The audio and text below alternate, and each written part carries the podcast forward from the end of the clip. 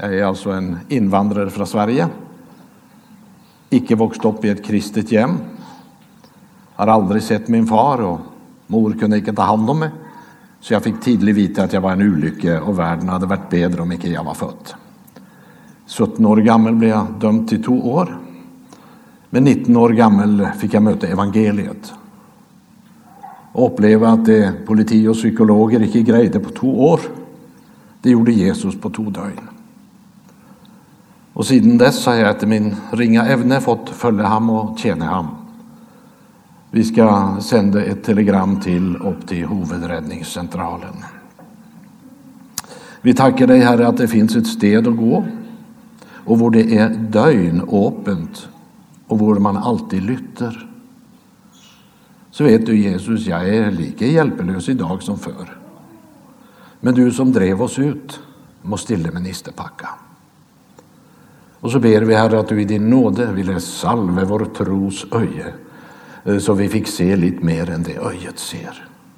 Det ber vi Jesus i ditt namn. Amen. Vi ska begynna att läsa de sju första vers i profeten Daniels bok. Daniel 1 från vers 1. I Judas konge Jojakims tredje regeringsår drog Nebukadnessar, kongen i Babel, till Jerusalem och belägret byen. Herren övergav Judas konge Jojakim i hans hand, likaså en del av karene i Guds hus. Nebukadnessar brakte karene till Sinears land, till sin Guds hus, och han satte dem i sin Guds skattkammer. Kongen sa till Aspenas, sin överste hoffman, att han skulle ta med sig någon av Israels barn, både av kongeätten och av de ansette familjerna. Unge gutter som var utan lyte, med vackert utseende och som la för dagen förstand på all slags visdom och hade evner till att vinna kunskap och få insikt i vetenskap. Slike som var skicket till att tjäna i kongens slott. Dem skulle han ge upplärning i kaldéernas skrift och språk. Kongen fastsatte deras dagliga tilldelning av kongens fina mat och av vinen han drack. I tre år skulle de få uppläring och när den tiden var till ände skulle de stå i tjänste hos kongen. Bland dem var Daniel, Hananja, Misiel och Asarja av Judas barn. Den överste hoffmannen gav dem nya namn. Daniel kallte han Beltsasar, Hanania blev kallt Shadrak, Misiel blev kallt Mesiak och Asarja fick namnet Abednego. Men Daniel satte sig före i sitt hjärta att han icke skulle göra sig uren med kongens fina mat och med vinen han drack. Han bad den överste hoffmannen om att han måtte slippa och göra sig uren. Amen. Vi lever idag i en gudlös kultur med en marknadstillpassad, kravlös kristendom som är ganska fjärn från Jesus och apostlarna. Och det är klart det blir lättare hvis man tar väck kraven, men då tar man också väck kraften, för det hör samman. Och därför har vi fått en tid som föraktar Guds helige bud. Föraktar etik och moral och föraktar normer och rättningslinjer. Som en ung man sa, ingen ska fortälla mig åsen jag ska leva. Och prövar man att säger Gud om ord och evigheten så säger man, ja, det är kanske rätt för dig. Ja, men ingen ska fortälla mig hur jag ska leva. Alltså, vi lever i en tid som minner ganska mycket om domertiden som du kan läsa om i Domernes bok. Och det i Domerbokens 17 kapitel står i de dagar fantes det ingen konge i Israel Vär man gjorde det som var rätt i hans egna ögon. Det kunde varit skriven 2020. Vi må huska att när vi lever i en gudlös kultur så blir vi påverkat av den kulturen, enten vi är klara över det eller icke. Och alltså kulturen på Daniels tid, den var också gudlös. Det var däremot icke situationen i Jerusalem. Det är slik att Daniel och hans vänner de växte upp med kunskap om Gud och kunskap om Guds helige bud. Och det är kungen i Babel meget klar över.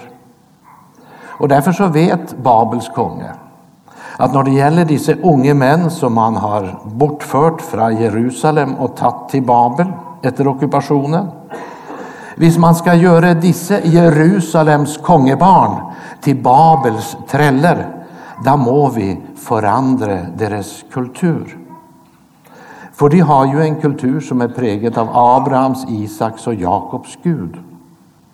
Alltså, de är präglat av det på en slik måte att det präger hela deras liv. Så vi må bryta ner deras tro. Och hur gör man det? Jo, man begynner med att bryta ner deras moral, deras kultur och deras bekännelse och därmed också deras måte att tänka. Så kungen i Babel, han är bevisst och han är strategisk. Strategisk påverkning är metoden. Men likväl så ska den här påverkningen ske så skjult att de icke är klar över det. Alltså Babels konge vet att den här påverkningen, den må icke ske för fort. Ett litet steg bara i gal rättning och så väntar vi där lite. Tills det är blivit det normala, det är ju bara som det är nu för tiden. Och så tar vi nästa steg. Och så väntar lite. Ja. Ta tiden till hjälp, gärna tre år. Och så kommer det här smygande in över oss. Och det kan det göra mitt i vår kristna tjänste. Jag husker inte, jag tror det var i slutet på 80-talet. Jag husker inte om jag var på väg ut ett sted i världen eller på väg hem. Jag skulle i alla fall byta fly på Schiphol i Amsterdam. Och där jag går på väg från det ena flyget till det andra så hör jag en som ropar Westman. Och jag snur mig om och där står en man som heter Rud van Eyle. Han var den gång generalsekreterare i den kristna fagbevegelse i Holland. Hade inte sett honom på två, tre år. Och så säger han, jaså Kurt, var det dig jag skulle möta på flygplatsen idag? Du skönner, sa han, att Herren sa att jag skulle ge dig ett ord, en hilsen från Gud. Jaha, broder, sa jag, får höra. Pass dig för salami-metoden, sa han, och så gick han. Så jag ropte Rud, sa jag. Ja, jag må bara säga att jag, jag fick inte något ut av det där. Vad betydde det där du sa nu? Pass dig för salami-metoden. Han kikade på klockan. Jag ska med ett fly, sa han. Jag, jag må fatta mig kort. Tänk dig, sa han, att du och jag delar rum och kylskåp. Och en dag så köper jag en stor salamipölse. Och den har du bestämt dig för att stjäla från mig. Men han sa, visst du tar en fjärdepart av pölsen så ser jag ju det när jag kommer hem. Och då vet jag vem som har tagit det, för det är bara du och jag som bor här. Så han sa, du tar bara en liten flis så pölsa ser lik ut. Och nästa dag tar du en flis till och pölsa ser lik ut. Och så plötsligt en dag är hela pölsa väck och vi vet inte hur det har gått till. Jag trängte den hilsen då, för det var något som mitt i min kristna aktiva tjänste hållit på att smyga sig in av kompromisser i mitt liv för att göra mitt liv lättare. Men Herren förkastade mig icke. Han väckte mig upp genom en broder. Och alltså kungen i Babel, han säger, ge de här folka så mycket mat och dricka de vill. Var generös. Låt dem få uppleva verkligt goda dagar, välvär och nytelse och ta tiden till hjälp. Men Daniel satte sig före i sitt hjärta att han icke ville göra sig uren med kongens fina mat eller med vinen. i sitt hjärta. Alltså, det är något som är vårt ansvar. Alltså, nu har det ju de sista 20 åren varit prekt det att eh, du kan ingenting göra. Och det är sant när det gäller hur jag ska bli frälst, så är det gjort. Men vi måste lära oss att skilja mellan frälsens gun och frälsens frukt. Ja, nu har vi förkynt så länge att du kan ingenting göra och folk begynner att lyssna till det och nu gör det ingenting. Men det är ju inte det som är efterföljelse. Du ser Daniel, han väljer något i sitt hjärta. Det har alltså med viljelivet att göra. Det är något han väljer att försaka. Det betyder inte att han kanske inte hade lust på det, det kunde gott hända han hade, men han visste det inte var rätt och så väljer han att försaka det.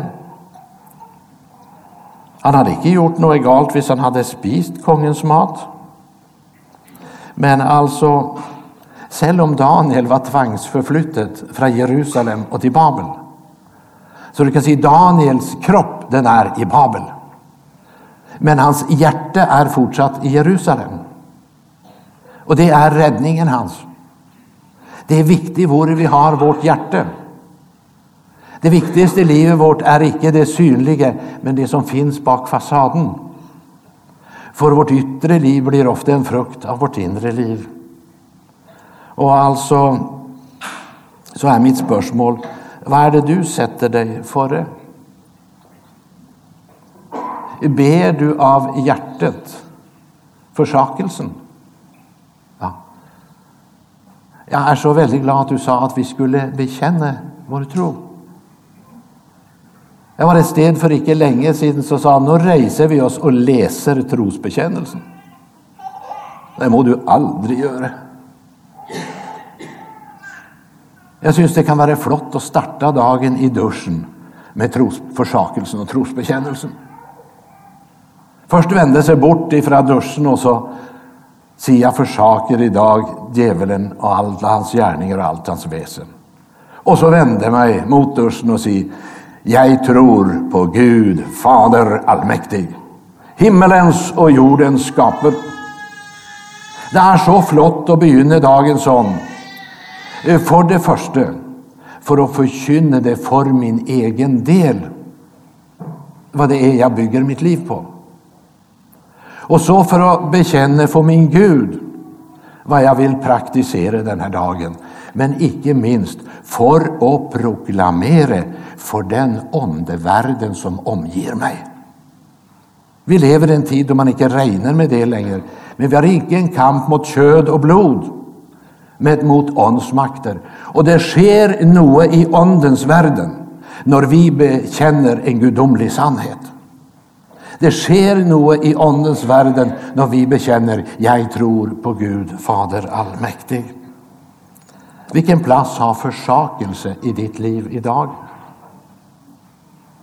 Jag måste säga, jag lurar ibland vad det blev av försakelsen i förkynnelsen. Man har ju gjort Gud till en visergutt och hans jobb är att göra mig frisk och rik och gör han icke det, vad ska jag då med Gud? Vad är det vi drömmer om? Är det något vi borde försaka? Något som, om jag icke försakar det, kan hindra min andliga modning och växt. Daniel han sa nej helt från begynnelsen. Icke en kompromiss. Har vi som lever idag något att lära av det? Du vet, vi som börjar bli skickligt gamla, vi är ju så glada i engelska sånger. Och en av de sångerna jag är glad i, det är den här. Jag hörde den första gången 1985 i Holland. I have decided to follow Jesus. No turning back, no turning back. Den finns på norsk och på svensk också, men den är bäst på engelska.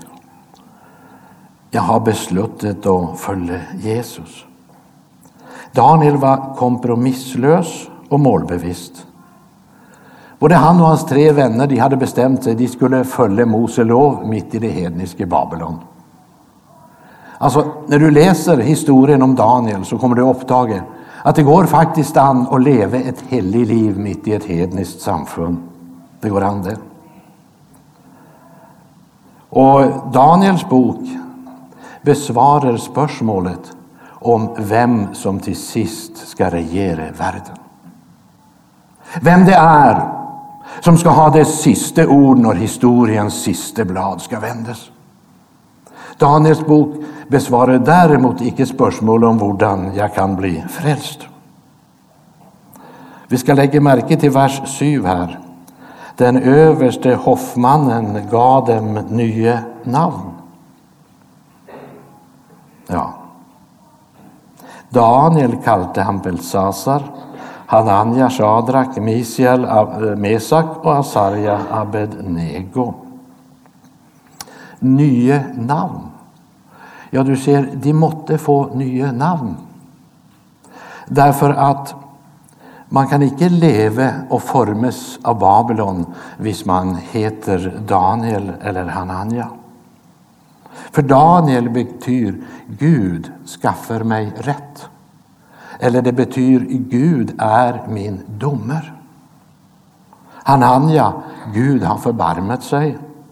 Misjäl, vem är som Gud? Och Asarja, Herren hjälper. Du kan ju inte heta det. Inte sant? De blir ju påminda om sin Gud varje gång man ropar på det. Kan du se det för dig? Den överste Hoffman ropar på Daniel. Gud är min domer, kom hit. Gud är min domer, gör det och det. Och det gick nog bättre med Herren hjälper som Hasarja betyder. Även om de flesta i Babel var helt ukänt med det här så visste Daniel och hans tre vänner det meget gott. Och Babels konge visste det gott. Och så av den grund så är de nött att få nya namn. Och det här nya namnen, det skulle vara med och göra de mindre främmande för livet i Babel och för Babels kultur. Namnbyte skulle ta väck det som minnet om Gud. Det skulle vara med och göra dem mindre främmande för livet i Gud. Alltså de kristna idag är inte så främmande för världens liv, må jag säga. Och icke minst namnbytet ska beröva dem deras identitet. Och så vill namnbyte skapa den illusionen hos Babels folk att de här karlarna de hör hemma i Babel. Hans nya namn Daniel det betyder må Bel beskytte hans liv, alltså må Babels konge beskytte mig. Och vid sitt nya namn så ska han steg för steg så stille begynner å tenke på också Babels Gud. För all del, icke slutt å tenke på din egen Gud. Men alltså erkänna att det finns ju andra kulturer och folk som har andra gudar. Babels konge ger dem nya namn och så till samma tid så får de lov att behålla sina gamla. Ser du strategin? är sant? Alltså när dere är här och tjänar vid hoffet, då brukar dere de nya namnen. När dere cell samlas hemma hos dere cell eller hos deras judiska vänner, då kan dere bruka de judiska namn. Vad handlar det om? Det är en invitation till dubbelliv. Ja. Förförelsen ska ske i stillhet, små steg så ingen märker det. Du ser, våra namn de är ganska personliga. I profeten Jesaja kapitel 43 så säger Herren till joxepaven Jakob. Och nå säger Herren som skapte dig Jakob, som dannet dig Israel. Frykt icke, jag har igen löst dig, kallt dig vid namn, du är min. Jag har igen löst dig. Det vill säga, du har ställt dig sån cell Och med det du är i dig själv så är det inte något hopp för dig. Vi har ju prövat att förbättra det, men det gick ju inte så bra.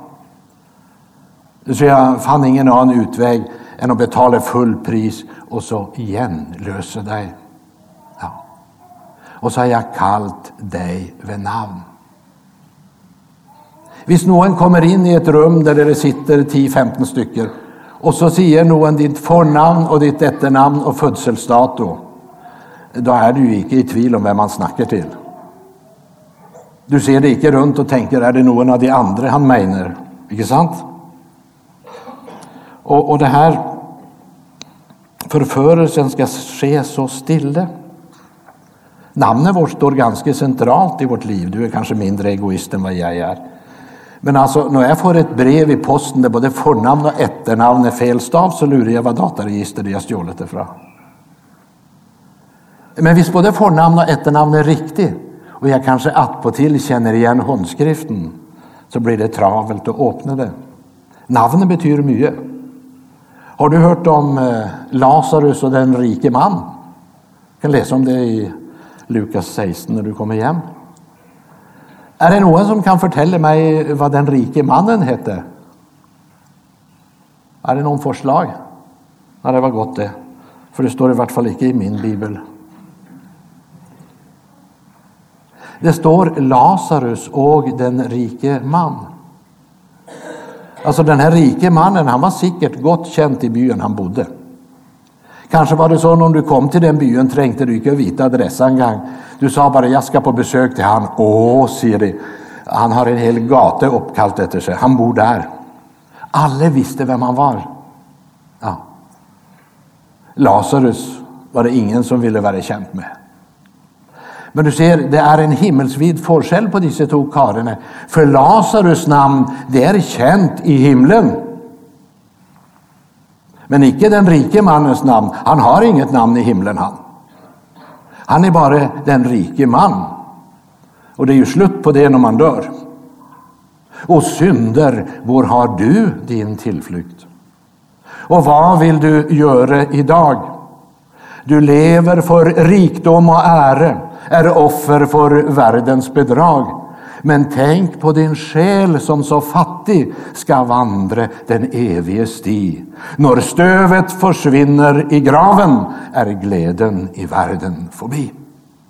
Vad gavner din rikdom och jordiske skatt när själen går in i den evige natt? Men det får vi ju inte snacka om nu. Nej.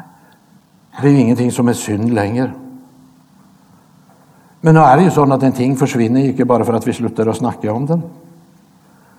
Och så må vi vara lite försiktiga med att bruka den här klichén om att Guds kärlek är villkorslös. Må vara lite försiktig med det och huska på att för en kristen som träckes mot ett liv i synd kan en slik uttalelse vara skebnesvanger. Gode kår och höjere standard, märkte det när kongebarnen från Jerusalem ska förföras brukar han icke förföljelse eller tortyr. Strategin är höjd levestandard. Under de år har jag jobbat bak järntäppe och så förföljelsen på närt håll. Jag undrade mig över vad folk klarade att stå igenom. Jag måste säga det. Och jag lärde mig också det att förföljelse är icke farlig. Den är vond och smärtfull, ja. Men ingen Inget kristenliv knäckes av förföljelse. Det enaste som kan knäcka troens liv, det är välfärd. Gode kår, ta vare på mig själv. Dere blir kallt till frihet, bröder, säger Paulus.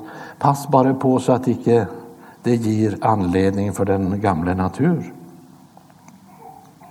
Alltså, luxuslivet skulle förändra tankegången. Men Daniel sa, nej, jag vill inte ha det där. De skulle lockes till en frihet var den våkne slutter å kjempe. Så stille styres av Babels ånd. Och alltså, efter välfärden, det är första steget, för du må begynna ett sted. Först må det komma något som gör att du slappar av och inte tar del i kampen. Och därefter inledning till dubbelliv. Ja, och jag tror nog det kunde vara en fristelse, alla dessa delikatesser när det gällt maten, men han tackar nej i vart fall. Daniel satte sig före. Och alltså, det är mitt i det hedniska Babel han bekänner så tydligt vem han tillhör. Och när jag läste det här var det som Herren sa, det här, det är kompromisslös tro och bekännelse. Med hjärtat tror en till rättfärdighet, med munnen bekänner en till frälse.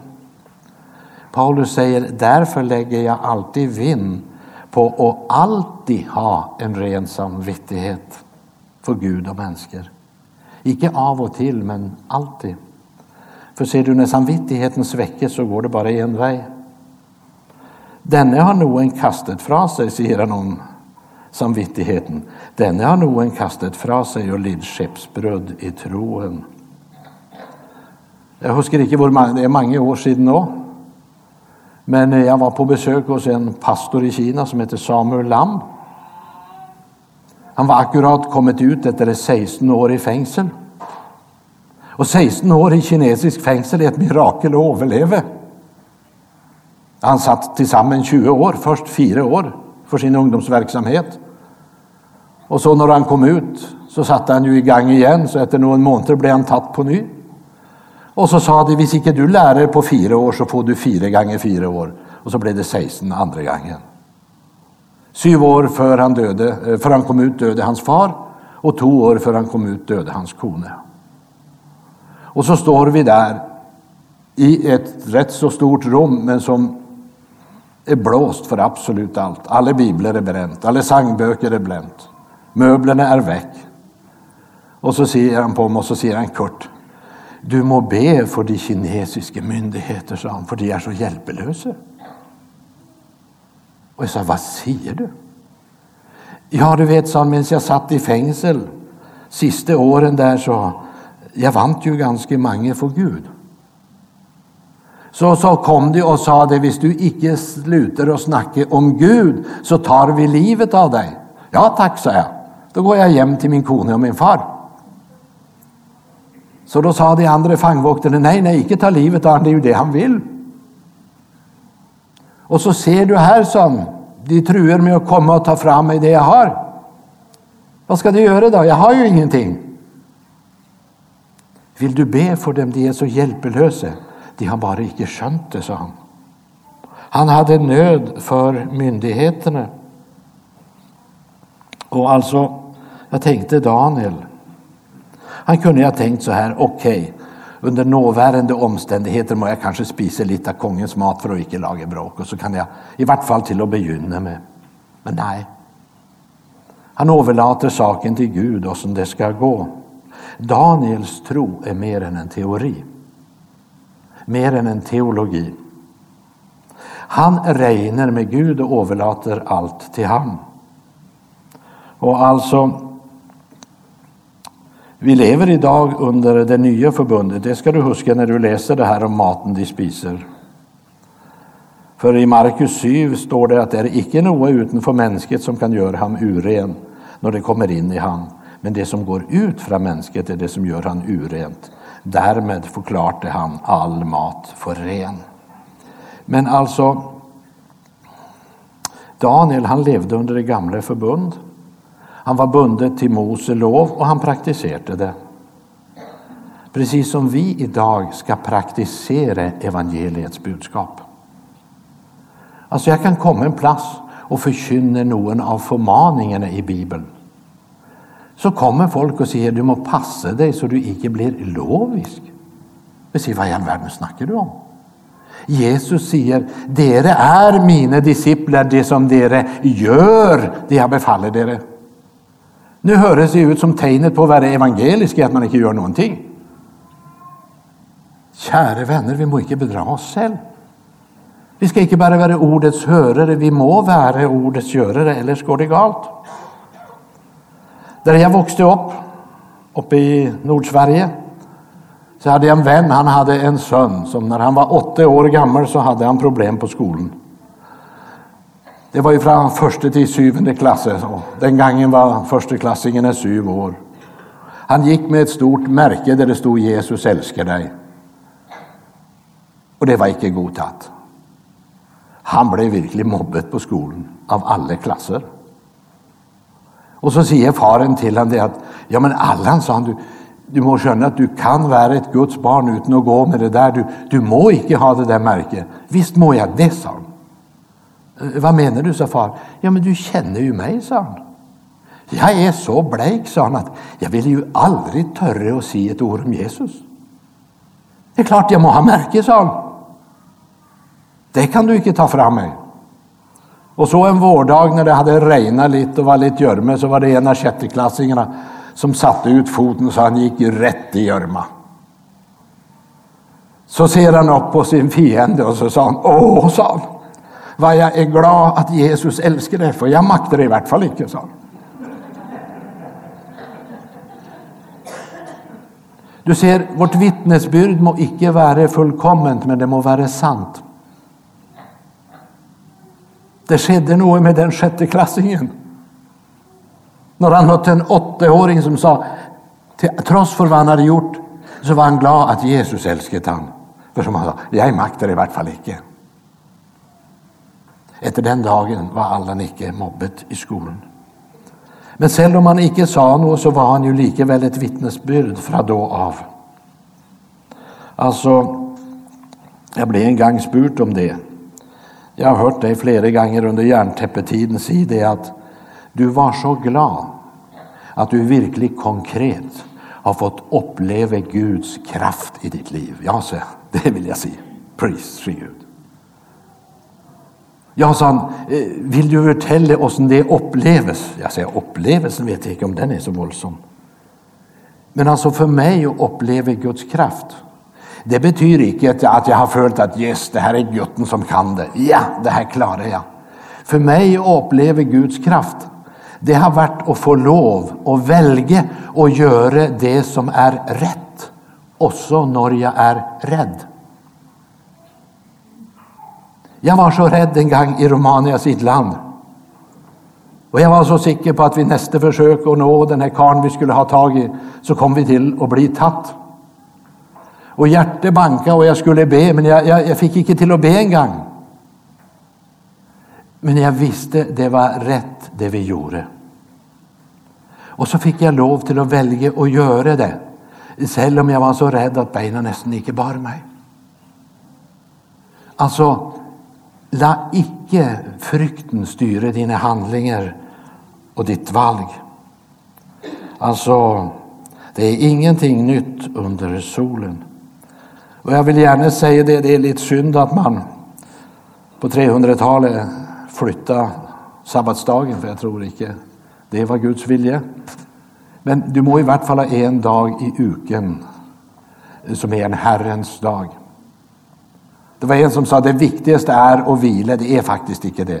Det viktigaste är att dagen är viet Herren. Och om du är uppe så sent på lördag kväll att du måste sova väck söndag morgon så är det rätt och slätt synd.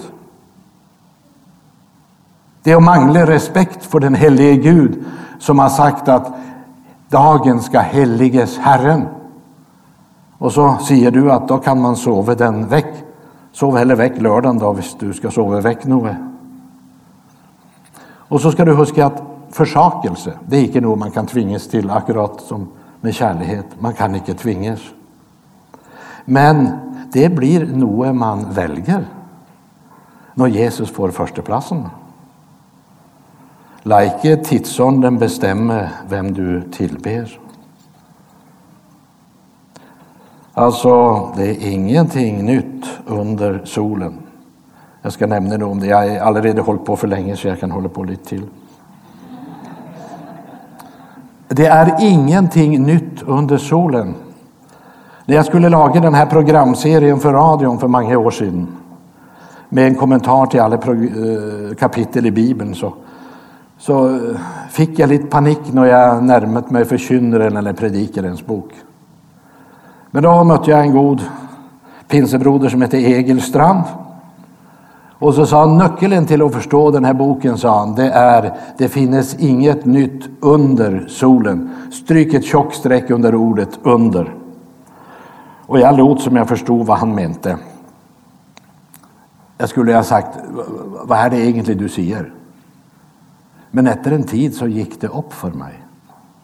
Det blev nyckeln, ordet som Egil Strand gav mig. Det finns inget nytt under solen. Nej, ska du uppleva något radikalt nytt må du få kontakt med han som är oven solen. Och det var där det glapp för Salomo. Han var den klokaste som har levt på denna jord.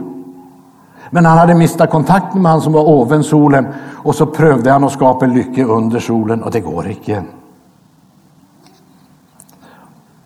Och så ska vi gå tillbaka till det här så det sitter igen. Namnet är viktigt. Det har med identitet att göra, vem du är. Jag ska ta tid till det, ja, det är i Markus.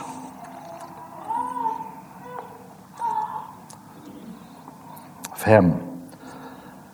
Då Jesus och de tog över till andra sidan av Genesaretsjön då de var steget ut av båten kom det strax en man mot ham från gravene. Han var besatt av en uränd ond. Han hade sitt tillhåll bland gravene. Ingen var längre i stand till att binda honom, icke engang med länker.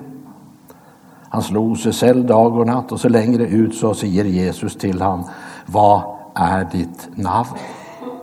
Han svarte, Legion är namnet mitt, för vi är många. Det är en man som har varit så länge i syndens tjänste att han vet icke vem han är. Han kan icke längre si sitt namn. Och vem är du? Jag vet inte, legion, för vi är många. Ja, det har med identiteten att göra. Tänk att vara så splittet. Det är som man säger, ja du vet när jag är hemma, då är jag den personen. När jag är på bedehuset, där är jag den personen. När jag rör mig bland det ugudliga, där är jag den personen. Och när jag kommer på jobb, då är jag den personen. Vi är ganska många. Och till sist blir det så många roller och många olika jag att identiteten går tapt. Och så blir man så splittrad att man vet inte vem man är. I vers 15 där i Markus 5 så står det att han kom till sans och samling, det vill säga han blev sig själv igen. Jesus förklarar för den här mannen, det är icke dina gärningar som är din identitet. Och det vill jag se som mitt vittnesbörd till sist. Det är icke mina gärningar som är min identitet. Det var det en stund i mitt kristenliv. Jag hållit fange där av Satan som sa, se oss du är Kurt. Se vad du tänkte nå. Tänk om folk visste hvordan du egentligen är. Men så visste Jesus mig att det är icke sån jag egentligen är, för synden är den intränger utanför. Det är icke mina gärningar som är min identitet. Icke något jag har gjort den här dagen heller. Om du spör mig, Kurt Westman, vem är du? Så säger jag, jag är Kurt Westman rättfärdiggjort av Gud. Det är min identitet. Så istället för att låta din identitet, istället för att låta dina gärningar forma identiteten, ska du låta din sanna identitet forma dina gärningar. Och så ska du säga, Herre hjälp mig eh, så jag inte får för många namn. Herre, vi tackar dig för alla som varit till stede idag. Vi tackar dig för ditt ord. Vi tackar dig att du har något att se när vi kommer samman. Och så ber vi, Herre, om att det vi har delt måtte få bära frukt i våra liv. Så vi blir satt fri. För den Sonen har frigjort, han är virkelig fri. Amen.